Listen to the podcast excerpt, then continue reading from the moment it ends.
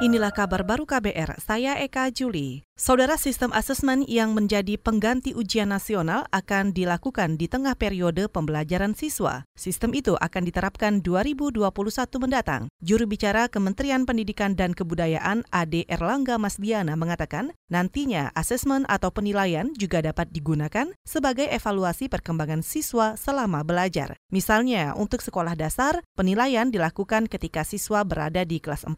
Untuk SMP ketika kelas 8 dan SMA di kelas kelas 10. Itu digunakan untuk melakukan pemetaan tentang kondisi proses pembelajaran yang ada di masing-masing sekolah. Jadi nanti kalau misalnya terjadi, terjadi berbagai macam kekurangan atau kelemahan-kelemahan apa yang belum bisa tercapai itu bisa dilakukan perbaikan kurang lebih sekitar satu setengah atau dua tahun ya, nanti pada akhir jenjang itu tercapai seluruh apa yang diharapkan di dalam proses belajar itu sendiri. Juru bicara Kemendikbud Ade Erlangga Masdiana juga menambahkan, mekanisme pelaksanaan asesmen akan diatur langsung Kemendikbud dan dilaksanakan serentak di semua sekolah di Indonesia berdasarkan jenjangnya. Pelaksanaan asesmen atau penilaian ini nantinya menggunakan komputer seperti halnya ujian nasional.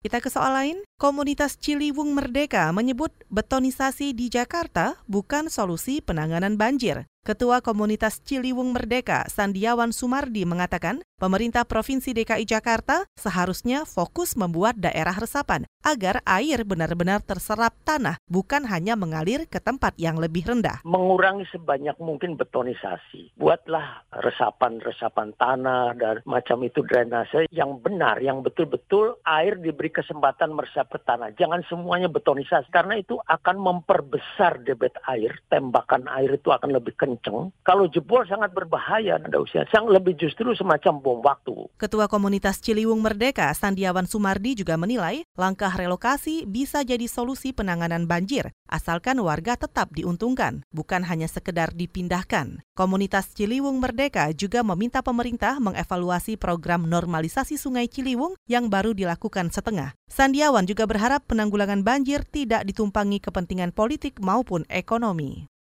Kita ke Aceh.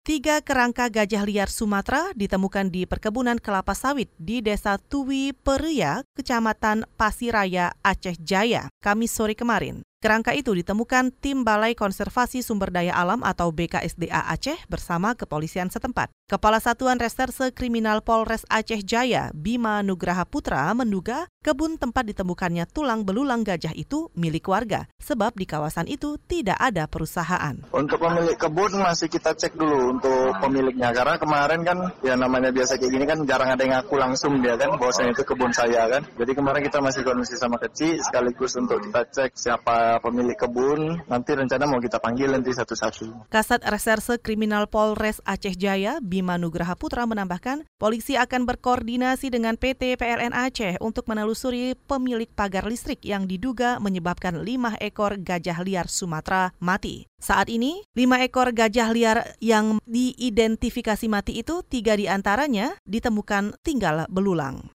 Kita ke informasi mancanegara. Kepolisian Hong Kong menangkap 400 orang yang terlibat aksi unjuk rasa berujung ricuh pada malam tahun baru Rabu lalu. Inspektor senior Kepolisian Hong Kong, Eng Lok Chun, menyebut penangkapan dilakukan atas tuduhan kepemilikan senjata ofensif dan perakitan senjata yang melanggar hukum. Polisi juga menyebut pengunjuk rasa mengabaikan peringatan polisi untuk membubarkan diri. Aksi unjuk rasa ini merupakan lanjutan dari demo yang dilakukan jutaan orang sejak Juni 2019. Sejak saat itu, polisi menangkap 6.500-an orang yang terlibat unjuk rasa itu. Saudara demikian kabar baru, saya Eka Juli.